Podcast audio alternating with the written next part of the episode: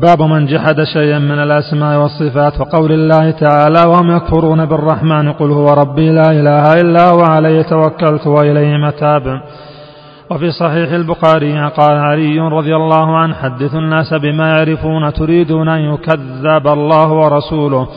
وروى عبد الرزاق عن معمر عن ابن طاووس عن أبيه عن ابن عباس رضي الله عنهما أنه رأى رجلا انتفض لما سمع حديثا عن النبي صلى الله عليه وسلم في الصفات استنكارا لذلك فقال ما فرق هؤلاء يجدون رقة عند محكمه ويهلكون عند متشابهه انتهى.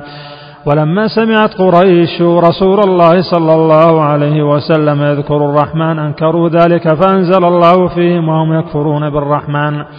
فيه مسائل الأولى عدم الإيمان بجحد شيء من الأسماء والصفات الثانية تفسير آية الرعد الثالثة ترك التحديث بما لا يفهم السامع الرابعة ذكر العلة أنه يفضي إلى تكذيب الله ورسوله صلى الله عليه وسلم ولو لم يتعمد المنكر.